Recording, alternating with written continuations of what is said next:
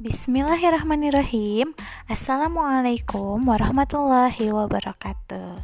Perkenalkan, nama saya Mutia Nur Alpiah dari kelompok 1 Letser CPNS 2019 di sini saya akan berbagi pengalaman saya mengenai pembelajaran MOOC.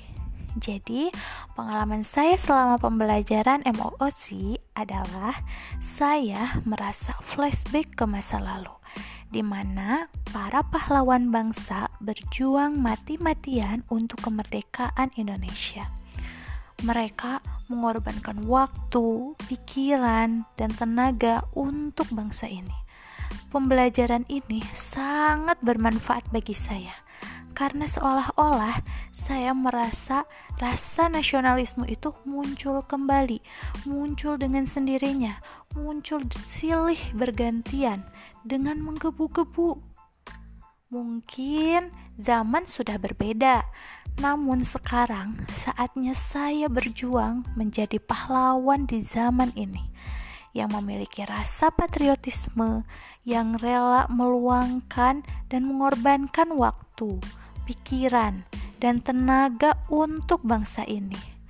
Salah satunya dengan menjadi ASN yang baik, yang profesional, yang cerdas, yang berakhlak mulia, melayani masyarakat baik dan tulus sepenuh hati memberikan pembelajaran yang bermakna bagi siswa-siswi generasi penerus bangsa.